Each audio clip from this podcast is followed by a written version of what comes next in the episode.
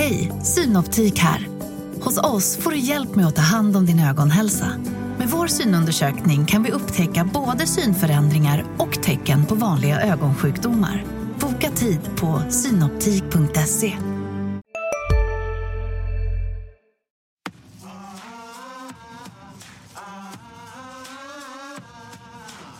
Det är fantastiskt liksom att vara hemma igen och, och det känns lite speciellt att spela här.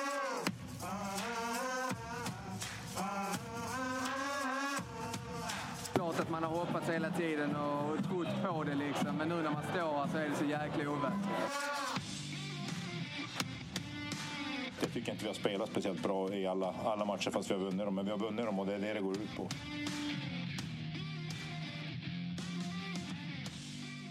Hej och välkomna till det femte avsnittet av Sydsvenskans Redhawks-podd med mig Mattias Nilsson och Kent Leon Jönsson.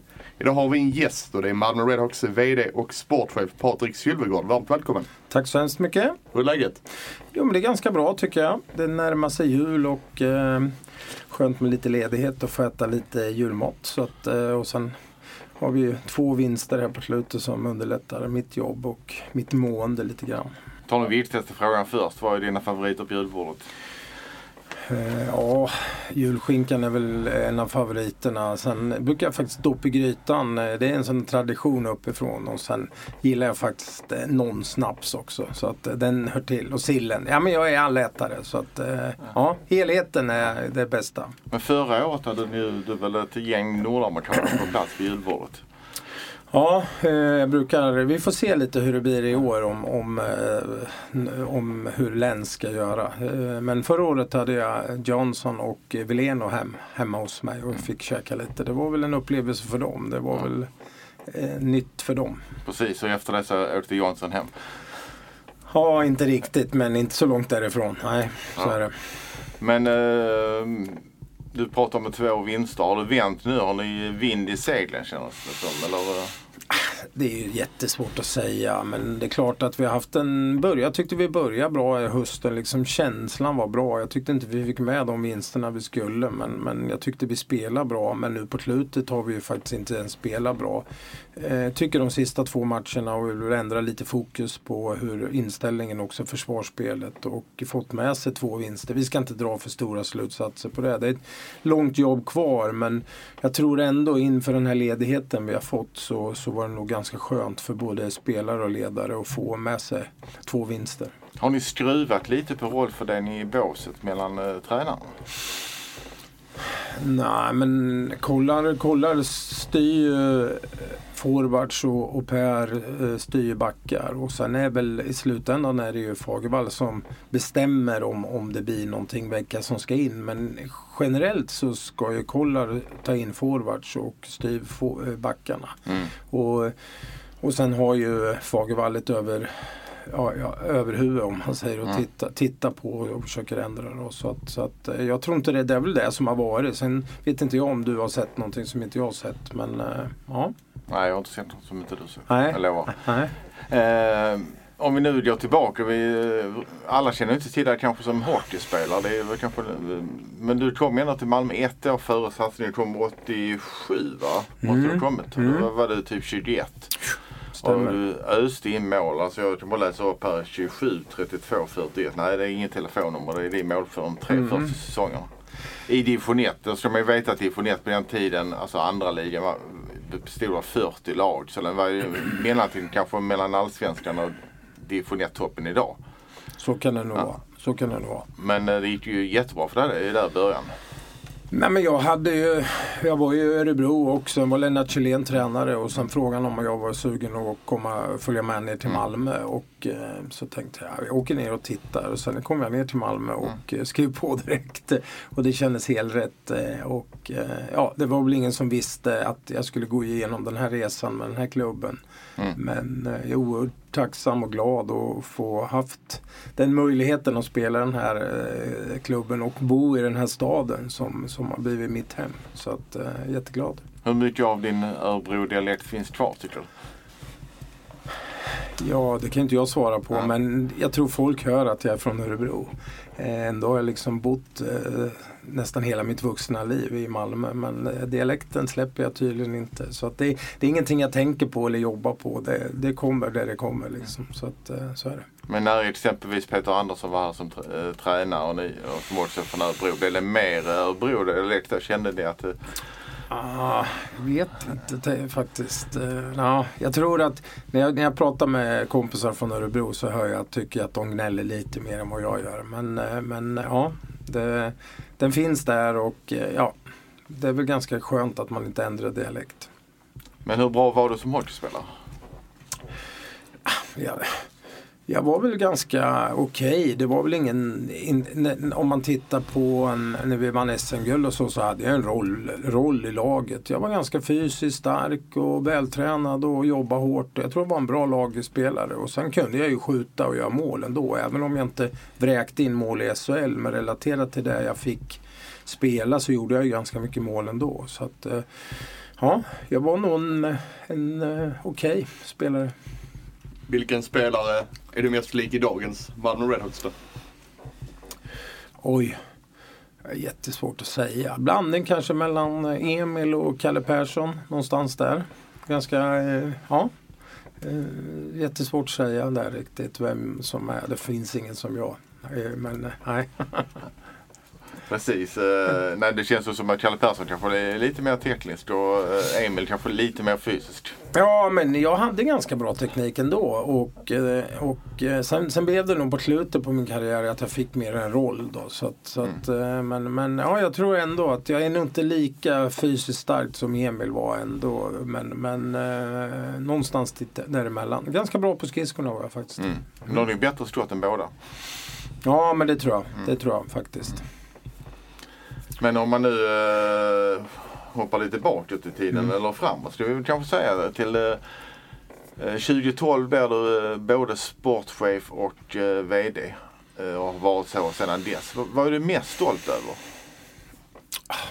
Ja, men alltså stolt är jag väl att jag tror ändå att vi har fått en, en stabilitet i klubben. Det tror jag är min, det är liksom det jag tycker jag lyckas bäst med. Vi har gått upp, vi har blivit etablerade i SHL och vi har fått en ekonomi i balans. Vi, vi ska inte glömma liksom att jag började med 30 minus och egentligen klubben var i konkurs. Idag har vi faktiskt en stabilitet. Jag säger inte att det är walk in the park. Vi har fortfarande utmaningar som alla idrottsklubbar har det, kanske MFF som, som inte sitter i det, det dilemmat. Men vi har byggt upp en, en bra stabilitet, vi har en bra ungdomsverksamhet. Eh, så så att det är väl det som jag känner att, att eh, det är väl det som jag har lämnat efter mig om jag, om jag säger det i dagsläget. Då.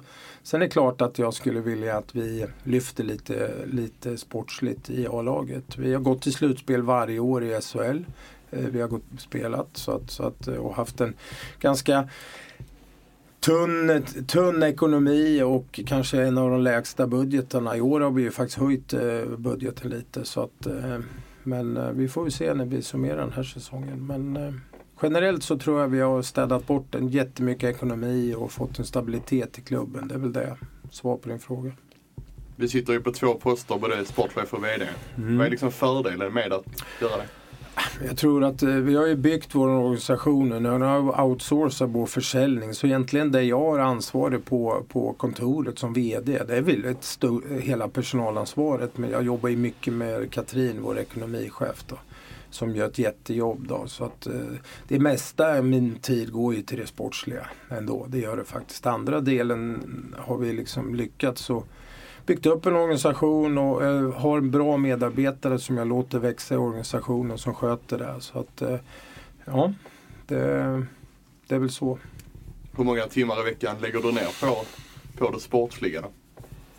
Det är jättesvårt att säga men jag jobbar kanske 14 timmar om dagen. Det är liksom, telefon går ju dygnet runt i stort sett och det är alltid något. Och, så att, eh, men, alltså, det här blir en livsstil på något sätt. Det är inte ett arbete. Det, är, det, det blir mer det. Men viktigt också att försöka hitta en balans så man hittar de här dagarna man kan koppla av också. För speciellt när det blir lite jobbigare som det blir i år nu när förväntningarna är högre och vi inte får de här framgångarna som vi hade hoppats. Då, då blir det lite jobbigare. Då, då sover man lite sämre, man funderar mer och det är en jävla påtryckning utifrån. Så att, eh, då gäller det också att jag ska ta det och försöka få ett lugn ner i organisationen. Hur gör du för att koppla bort det då? Ja, eh, när jag kan spela golf så spelar jag golf och eh, just nu försöker jag gå ut och gå lite med hunden och träna. Jag tycker om att träna. Det tycker jag är viktigt. Jag är på gymmet, försöker vara där mellan sex och halv sju varje morgon och kör så att jag får hålla mig hyfsat fräsch. Det tror jag är viktigt för att orka. Det, finns det några nackdelar med den här dubbelrollen? Jag tror att, eh, ja det kan det säkert finnas. Men som vi har byggt vår organisation så tror jag ändå att eh, det är ganska bra. För att VD-rollen är inte så mycket jobb just idag. Eh, jag har svårt att se att vi skulle ta in en VD som bara skötte det jag gör idag som VD och driva det så mycket hårdare. Då skulle vi ju Marcus Larsson är kommersiell chef. Det är ju liksom där allting ligger egentligen. Mm. Eh, försäljning, eh, allting det här. Det enda som, som utanför är ju lite ekonomi och lite ungdomsverksamhet. Då. Och det, ja, det är klart att, att men sen samtidigt har jag en ordförande också, Mats Larsson, som gör ett jättebra jobb och en bra bollplank och är ganska aktiv också. Eh, som också avlastar mig. Sen har vi Tom Kellheim på föreningen. Då, så vi är en organisation där. Så att jag tycker att det, i dagsläget har jag svårt att se det. Sen har jag ju på den sportsliga biten har jag ju Hadelöv som är en stor del i och en, min assisterande sportchef om man säger som jobbar i det tysta och gör analyser och, och coachar tränarna på ett jättebra sätt. Så att jag tycker vi har en bra organisation. Det är lätt att, att allting pekar på mig men vi har många som gör ett jättejobb runt omkring. Men om bolagsstyrelsen har bestämt att nu ska vi in, in en annan VD och du ska bara vara sportchef. Hade du varit intresserad av att vara kvar då? Ja, det hade jag varit. Det hade jag varit. Så att eh, självklart. Eh, det hade jag varit.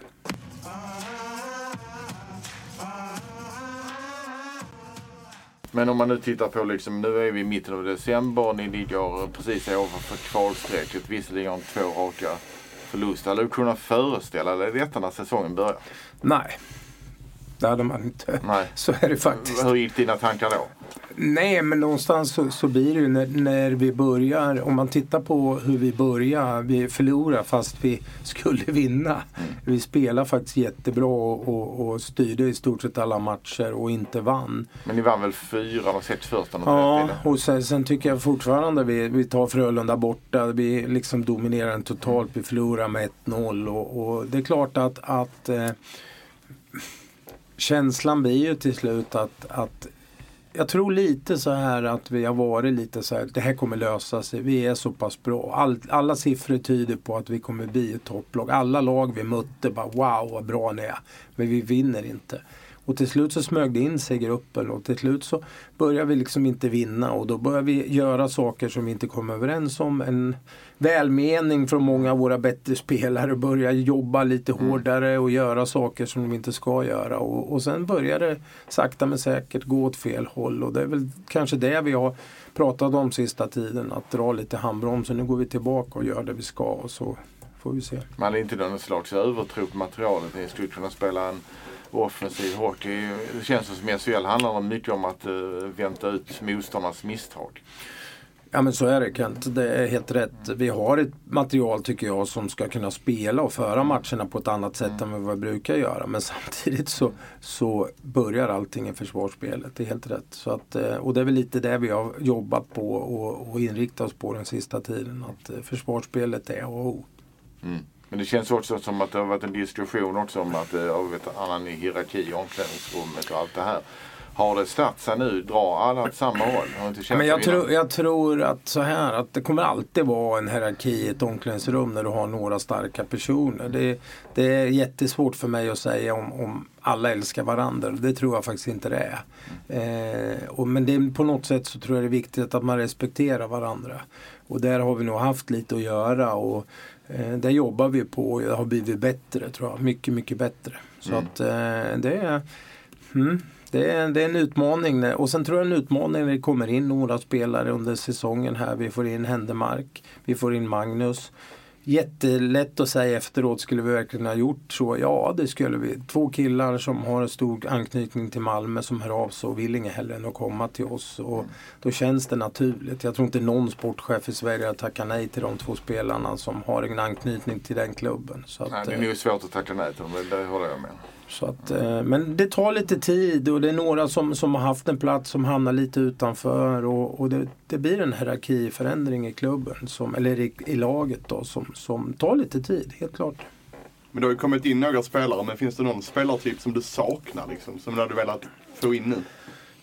Nej, men om vi tittar på, på vårt lag nu, nu när Anton försvinner också, det är väl kanske en, en back då. Som, som, Alltså Anton försvinner till JVM. Ja, Anton försvinner ju till JVM här några matcher här, eller ganska många matcher. Men, men har vi alla sju friska så, så klarar vi oss. Men är det någon, om, du skulle, om jag skulle ha en önskan så är det väl att få in en bra back. Kommer ni ta in en, bra, en back här nu på, på kort tid? Eller? Nej, vi har försökt och tittat och lånat lite backar då. Eh, Men eh, vi har fått nej. Så att vi sa det, vi kör på det här och så får vi ta upp någon junior om det så behövs. Så att eh, det, Precis, och sen, sen kommer det till OS i, jag tror danska landslaget samlas den sista januari. Så Mm. var det typ eh, drygt två veckor väl i eh, februari. Men där har ni väl inga matcher egentligen? Nej, vi har flyttat. Mm. Eh, Rögle-matchen är 17 andra håller vi på att titta på datum. Då. Den 19 har vi sagt att vi spelar Färjestad borta. Då tror vi att danskarna är hemma.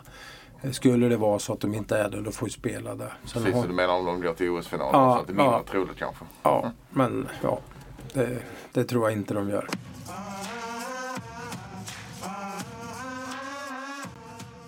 Och när vi pratar om spelare så är ju den självklara frågan, vad hände egentligen med Jadon DeChino som bara fick 10 matcher? Ja, det är en bra fråga. Men eh, vi kände väl eh, och, och tränarna kände väl att, att han inte bidrog med det vi, han, vi hade förväntat oss. Och, eh, och ja, man, det, kan alltid, det finns två sidor på det här myntet. Och då tog vi det här beslutet att då är det bättre att vi spelar. Speciellt när vi fick in Händemark och Magnus då, så kände vi att det här funkar inte riktigt. Så att det var bättre att avsluta den, den, det äktenskapet. Och, eh, sen tog det lite tid av olika anledningar och jag tror inte han var speciellt glad på oss. Och det, så kan det vara ibland. Men nu, är nu är det löst. Det är ju lätt att vara efterklok, men är det en felrekrytering från början? Men det, kan man ju, det är ju lätt att säga men det är klart att det är.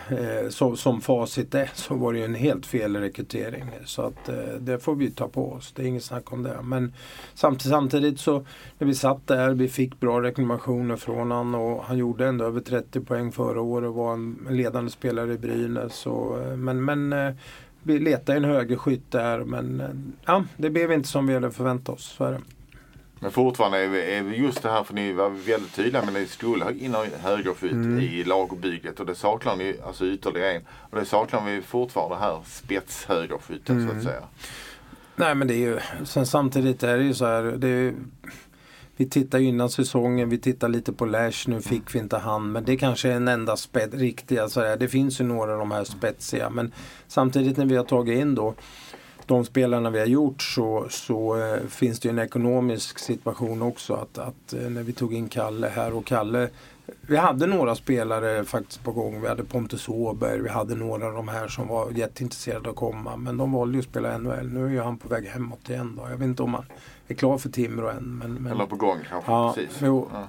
Så att, eh, sen, sen finns det ju ingen garanti. Jag menar vi tittar ju på han Rätt i, i Timrå för, förra året eh, och fick inga bra referenser på honom alls. Och nu har ju han överöst poäng i Timrå. Så det är ju, det där är ju Precis. Och ni, jag vet att ni var lite, lite, hade koll på Cameron Bray som spelar i Danmark förra säsongen. Ja. Som gör, gör det Ja. bra i Oskarshamn nu. Mm. Och han hade ju varit, kostat hälften av uh, Jadon. Ja, nej, men så är det. Med facit i hand så är det helt rätt. Så är det. Mm, man ska inte gråta över spilld mjölk eller? Nej, men man lär sig ju vissa saker varje gång när man gör sådana här värvningar. Men, men samtidigt, det är som jag brukar prata med NHL-scouterna. De värvar 25 spelare, det är en som blir bra. Så, är det. så att det, det är ju så här det blir. Det är ju jättesvårt att säga. De kanske hade gjort succé i Oskarshamn eller i Växjö eller någonting. Det, är ju, det, det här är ju jättesvårt. Precis, det är ju många Så så att, eh, men sam, samtidigt är det så att vi tittar och vi scoutar och vi är sju, åtta stycken som, som tittar tillsammans och kommer fram till ett beslut och sen tyvärr, ibland blir det fel och ibland är det inte bara vårt fel, ibland är det spelarens fel också att det funkar inte. Men ja, Men eh, om vi återgår till Fagervall. Ni förlänger kontraktet med honom den 10 november trots att ni går eh, kräftgång redan då. Jag vet att planen var att förlänga men varför inte vänta eh, ytterligare för att se hur, vilket håll säsongen tar? Ja, det är ju också lätt att säga men, men någonstans så pratar vi med spelarna och, och, och de andra tränarna och de känner väl också att Fagervall inte är problemet. Eh, de och vi trodde väl också att det skulle bli en, en eh, ett lugn i hela gruppen eh, att göra det här. Och det är klart, med facit i hand så, så kanske vi skulle vänta lite. Men jag känner ändå att Fagervall och grupp, de tränarna gör ett bra jobb. Det, känns, det finns ett lugn där också. Sen finns det att skruva på där också. Jag tycker att förra året när Kolla kom in så tog han ett jätteansvar och, och vände den här skutan. Och, eh, det är en intern diskussion, de får sköta där nere vem som ska göra vad. Men det är tre kompetenta tränare och Fagervall står tycker jag för ett lugn också som jag tror vi behöver. Så att, eh, därför gjorde vi det här och vi var enade, både ledande spelarna och styrelsen över det. Men förra säsongen så tog det ju ett halvår innan det blev ordning på spelet. Mm. Och så är det väl nästan i år också. Vad är liksom orsaken till det?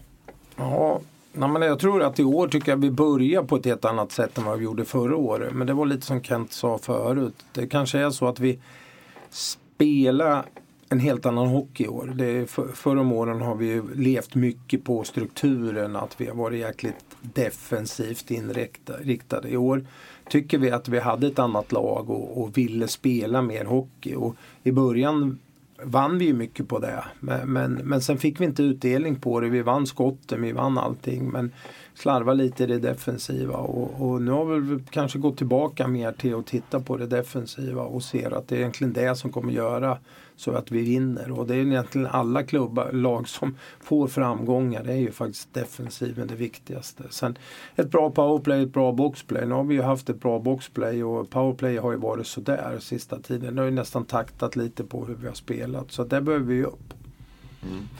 Eh, Vi har varit inne på det tidigare i det här samtalet men eh, Fagervall har ju sagt att den är bra på att bygga grupper men ni har ju ändå haft lite problem i hierarkin och sånt eh, i laget och det har spretat åt alla håll och kanter. Eh, men det finns ju ändå en risk om man tänker så här nu om ni förlänger på honom ett år. Hur gör ni nästa höst då? Tänker ni väl likadant då? Nej men alltså det är väl inte vi, Det finns för klubbar som har tagit bort sin tränare. Det är ju, jag menar vi får väl, även om vi har förlängt med en så är det väl inte säkert att någon av oss sitter säkert för det. Det är ju, det är ju faktiskt så. Jag menar vi lever ju i en, en resultatbransch och eh, skulle inte det här funka så får vi ta den diskussionen då. Men jag, jag, jag har så svårt att se att vi bara ska kasta bort tränare. Sen måste man också titta vad finns det istället? Eh, vad är det som, som kan finnas som kan hjälpa oss mer? 99% av alla som byter tränare blir får ju ingen effekt av det. det är ju, Brynäs fick lite effekt förra året. Om det berodde på tränarbytet eller inte, det kan jag inte svara på. Men det är en sak om spelarna kommer till mig och säger så här, Patrik det här funkar inte. Det går inte. Men när spelarna känner att det inte är det, det, är våra, det ligger på vårt ansvar mer än tränarna. Då, då är det, men sam- samtidigt är det ju så att Hej, Ulf Kristersson här. På många sätt är det en mörk tid vi lever i. Men nu tar vi ett stort steg för att göra Sverige till en tryggare och säkrare plats. Sverige är nu medlem i Nato. En för alla, alla för en. Har du också valt att bli egen? Då är det viktigt att skaffa en bra företagsförsäkring. Hos oss är alla småföretag stora och inga frågor för små. Swedeas företagsförsäkring är anpassad för mindre företag och täcker även sånt som din hemförsäkring inte täcker. Gå in på swedea.se företag och jämför själv.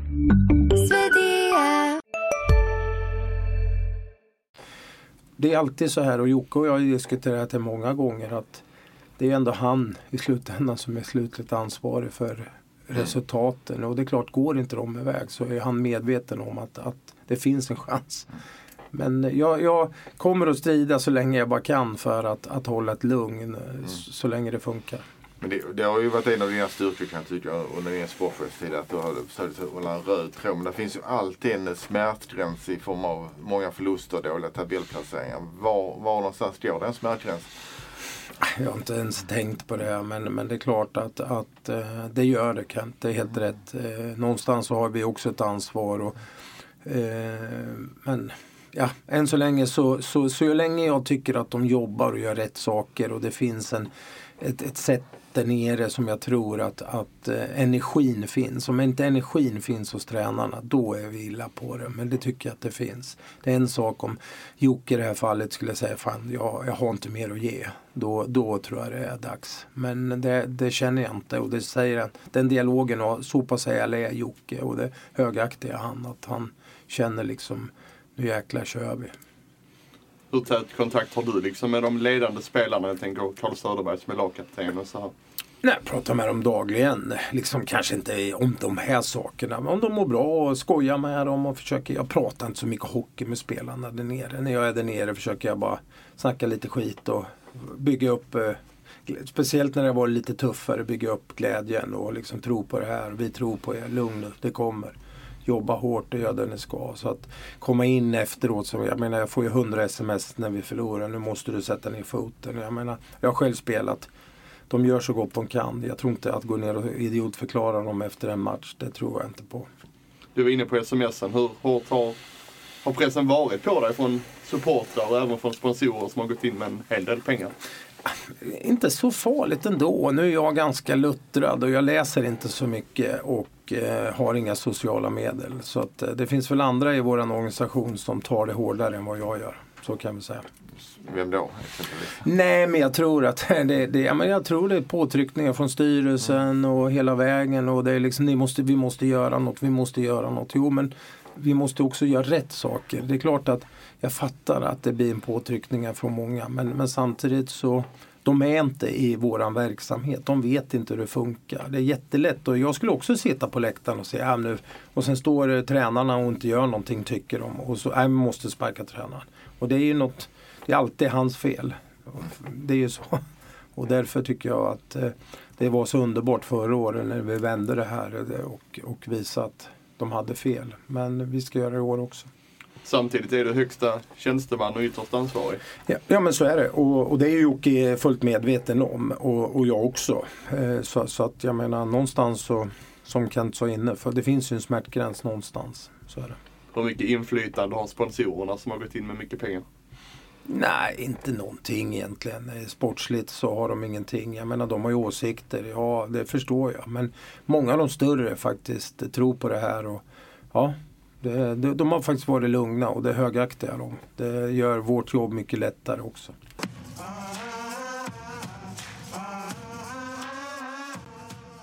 Låt säga att ni klarar undan kval för det måste vara det primära just nu och ni kommer som förra året då. Ni tar en av de sista slutspelsplatserna ni åker ut där.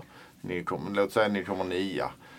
Blir det svårare inför nästa säsong då att uh, attrahera de här sponsorerna då när, man, när, när de har gått in med mycket? För det är ändå höjt från 39 till typ 48 miljoner i sportbudget. Mm.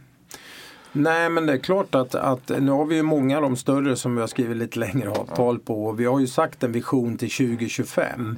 Sen är det ju lätt så här att det är ju det, vi bygger inte det här på ett år heller. Liksom. Vi, har ju, vi har ju successivt eh, försökt skjuta fram våra positioner. Vi har gått slutspel varje år. Någonstans så känner jag så här att det är klart i år är en, än så länge en besvikelse. Mm. Det är ingen snacka om. Men eh, jag tror också att vi som klubb måste också lära oss och ha ett lite bättre lag. Det känns liksom som att vi har fuskat lite. Spelarna har känt att vi är bättre vi behöver inte göra de här sakerna som vi brukar göra. Jag tror det tar lite tid också. Och det, vi får väl se med sponsorerna men jag, jag, samtidigt så, så känns det ändå positivt där ute med dem. De tror på oss så att vi får se hur länge det håller. Mm. För det, man kan väl säga att ni har väl överpresterat tidigare under Anderssons tid en del av de säsongerna i semifinaler. Man kan väl säga hittills har ni underpresterat den här säsongen. Mm. Ja men så är det. Så är det. Om man relaterar till vad vi har för lag. Och mm. Sen är det väl lite så, jag menar tittar vi på HV förra året, de åker ut med kanske SHLs högsta budget förra året. Så det är ingen garanti. Nej. Men, men det ökar. Jag tycker ändå att vi har en bra mix i vårt lag och jag är helt säker på att börja det släppa. Sen tycker jag också att vi har haft lite otur. Jag, jag, jag ska inte säga att det låter som jag hitta några bortförklaringar men vi har haft många matcher där det inte riktigt har studsat vår väg. Och jag hoppas att det blir lite karma här efter. Men ni pratar mycket om underliggande statistik men, eh, men hockey är en sport där det är oerhört små marginaler. Spelar Mm. betalt underlag och går väldigt snabbt. Jag menar underliggande statistik. Att spelar man baseball är ju ett perfekt instrument men det känns ju ändå inte, ni har ju inte de här kanske, om även om vi skapar 15 eh, vad brukar man säga, röda chanser eller alltså chanser som är väldigt fina kanske i match. Mm. Så har ni kanske inte de här riktiga målgörarna i Nej. laget. Nej. Det- Nej men så är det ju. Eh, Men samtidigt tycker jag att vi har många som kan göra mellan 15 och, eller 10 och 20 mål. Vi har några stycken som har potential att göra det. Eh, Vi har ingen Tembellini som stänker in allting. Som Ruggle har exempelvis. Eh, Det är helt rätt. Men jag tycker att det finns potential åt några stycken att göra det. Men samtidigt känns det väl lite signitivt i år att, att än så länge så eh, studsar inte riktigt rätt för någon. Men ja, vi får väl summera det här om ett par månader. Mm. Men du är ju ändå en känslomänniska här liksom. Hur jag vet att du reagerar när du sitter på läktaren. Hur frustrer- frustrerad blir du då? Nej men det är klart att det funnits en frustration och en tyngd och, och skäms. Eh, jag Känner mig skamsen. Eh, vill helst inte träffa folk för jag tar mycket på mig. Det är mitt ansvar. I slutändan är det ju jag säger inte att det är mitt lag men jag har ju den känslan att det är med alla de här timmarna man lägger ner så har jag ett jätteansvar och när vi inte får de här framgångarna eh, eller när det, inte, när det blir så här med förväntan så, så det är klart att jag känner en, en en, jag, jag, jag säger, känner inte en ilska mot laget, det gör jag faktiskt inte. Men jag känner en tomhet och en besvikelse på något sätt över allting. Att vi inte kan få det att lyfta. För jag tycker vi har alla resurser med allt från Freddy, allting runt om för att göra det. Och sen blir det en enorm så här, fundering, liksom, vad är det som inte stämmer? Och man letar och letar och letar. Och jag, Hadelöv och jag har pratat och vi pratar och pratar och tittar och tittar på matcher och ser vad är det, vi inte, vad är det som inte klickar? Varför får vi inte spelarna att bli bättre för? Liksom? Och det kan ju vara en, många orsaker och vi har ju nu tagit in en en mental coach också då, som, som börjar titta på sådana saker också. Hur, vad, vad är det som vi ska jobba med och försöka hjälpa både tränarna och spelarna för att ta nästa kliv. För han, han tycker att det finns saker vi kan göra och eh, han började den processen förra veckan och fortsätter den här veckan. Precis, vi, har, vi har skrivit om det lite eh, tidigare. Men vem är det? Maxi Tropé är en Ja. kille som har jobbat eh, ja, mycket stora bolag. Han har varit i FC Rosengård eh, och han har varit norska skidlandslaget. Han jobbar lite så. så att, eh, han känns, eh, vi har haft lite med honom att göra tidigare och var inne och några i vår styrelse jobbar med honom i sina bolag. Då, så att han känns på. Men varför tog ni bort, varför, Anders Werver var ju, vad ska man säga, mental Mm. lagcoach förra säsongen. Men varför ersattes inte han? av- Nej, det var det performance-teamet med Freddy och alla de här killarna runt om. Tyckte Alltså Schröder som Ja, de har, vi har byggt ett litet performance-team som bygger det här med läkare, mentala coacher. Vi hade lite sömnkille, Patrik Odeling var inne och gjorde ett jättebra jobb förra året. Vi tyckte att det blev lite rörigt och många av våra killar har egna mentala coacher och vissa vill inte ha Andy för att de jobbar med någon annan och så. Och sen trodde vi väl att vi skulle klara det här med processen själva. Men, men vi har inte fått ihop det. Så därför tror jag vi behöver ha det framöver också. Någon som hjälper oss. Så att med facit i hand så, så eh, skulle nog det vara en, en, en, en punkt som, som vi måste jobba med framöver.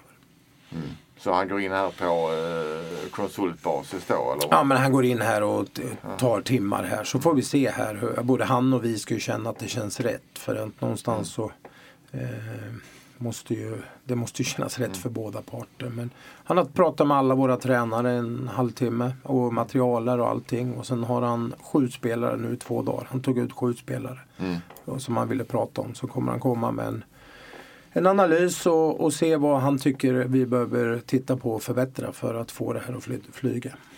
Intressant. Eh, Ska vi klargöra Andreas Hadelövs roll också? Han är också inne på konsultbasis eller vad? ska- Ja, nej, men Andreas är en halvtidstjänst då, sen, så, som konsult. Och han är analytiker och tittar på siffror och hjälper tränarna och tittar. Han är ett jättebra hockeyöga och eh, hjälper mig och hjälper tränarna på vad, vad, vad vi gör och vad, vad han tycker vi ska göra för att vinna.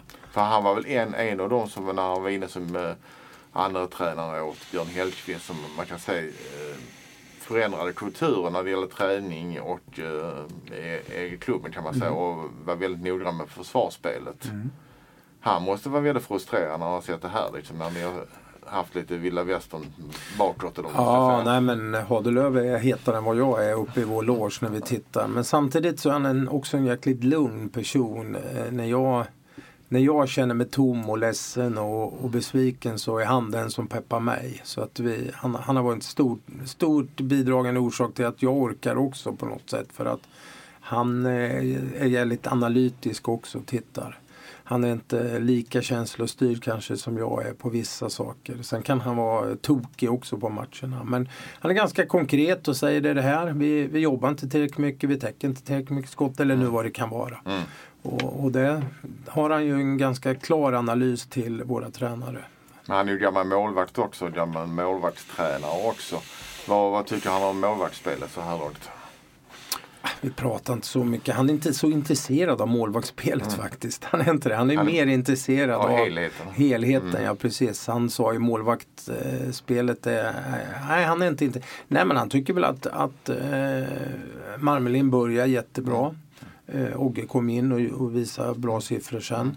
Eh, så att, så att eh, ja. Det, vi har inte pratat så mycket om, om målvakterna faktiskt.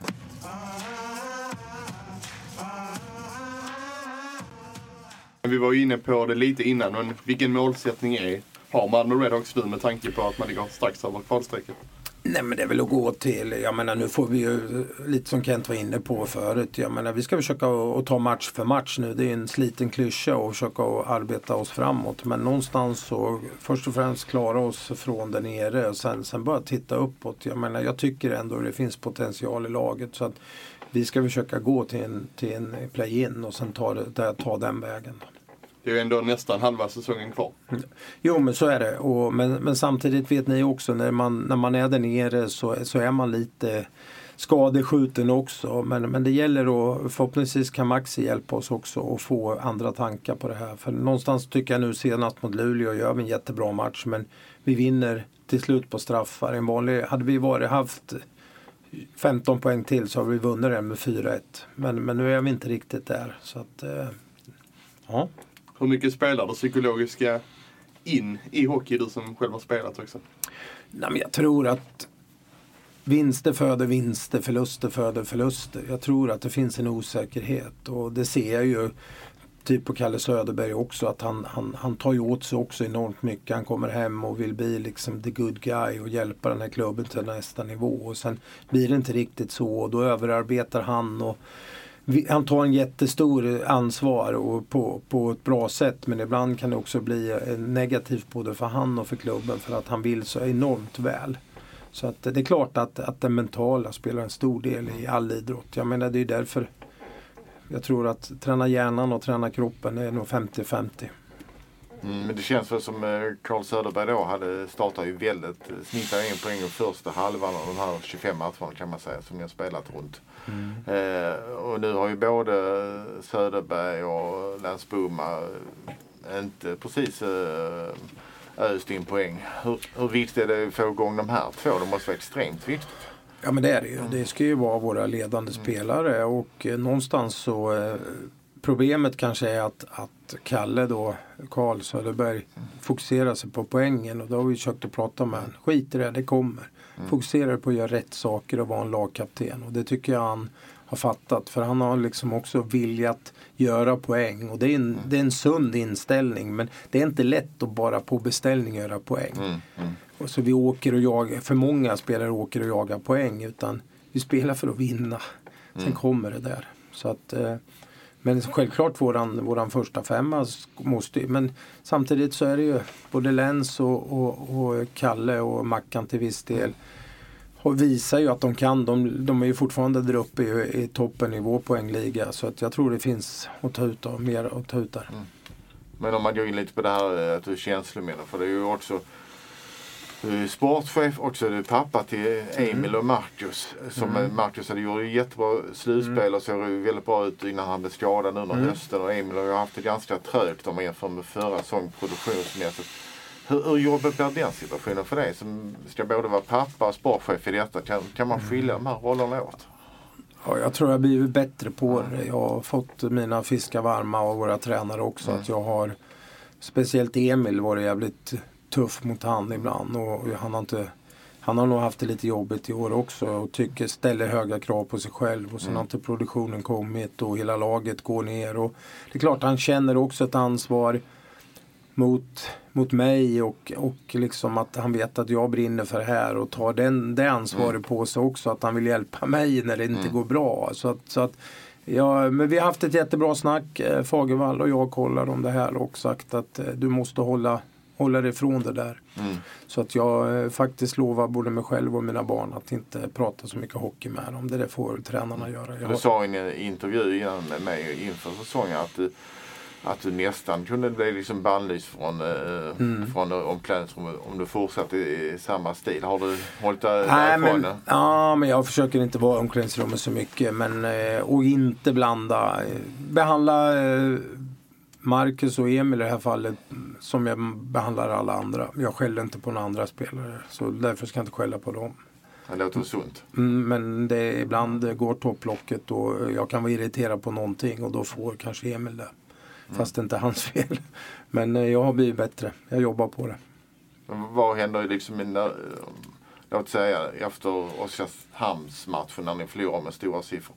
Vad, vad händer i din skalle då liksom? Vad, vad känner du efter när du åker hem och kör hem mot nej, villan? Nej, men jag besviken, tom. Eh, snurrar enormt mycket. Vad, vad är det vi som inte stämmer? Det är liksom det.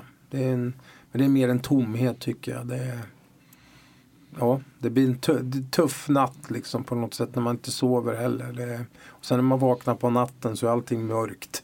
Det är sällan. Sen när man vaknar på morgonen och har fått några timmar så börjar man ändå studsa upp. Det här ska vi liksom, man är ju, funkar ju så som människa. Det är, det är någon överlevnadsfunktion i en som, som nu jävlar ska vi köra. Man förtränger och går vidare.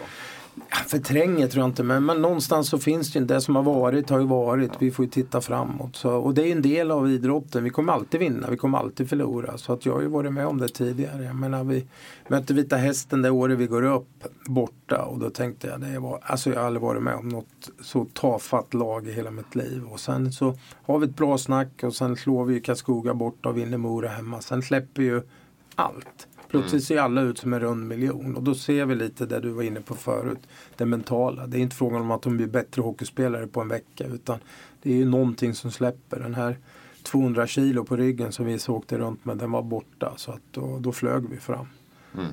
Så att eh, det är ju lite det här fascinerande med människor liksom det här hur, hur vissa små grejer kan ändra en hel, ett helt lag. Vilken känsla kommer du ha i april? Jag hoppas att jag har en, en, en, en, en känsla av eh, att det fick dem. Eh, vi visste att vi var så här bra och eh, ja, jag tror att vi kan gå långt. Det är min känsla fortfarande. Sen vet jag att det blir tufft men känslan är att vi kan slå alla lag. Och det tror jag de andra lagen känner också. Du sa långt. Hur långt? Nej, Statistiken talar egentligen inte för att du ska ju vara topp fyra lag för att gå hela vägen. Men det har ju faktiskt varit HV 95 vann SM-guld var 8. Så att eh, ja, jag tror vi kan gå hur långt som helst. Så att eh, men det blir tufft. Jag säger inte att det, att det är lätt. Mm. Men, men jag tror ändå det, det här laget, om det bara släpper så, så finns det så enormt mycket, mycket kompetenta spelare och vinnarskallar. Så att Mm, och två riktigt bra målvakter. Så att, eh, sen tycker jag lite att det blir lite karma åt vårt håll att det studsar lite rätt. Jag tycker inte vi haft den där lilla turen heller man behöver ha. Men det kanske man inte har förtjänat. Men förhoppningsvis förtjänar vi det.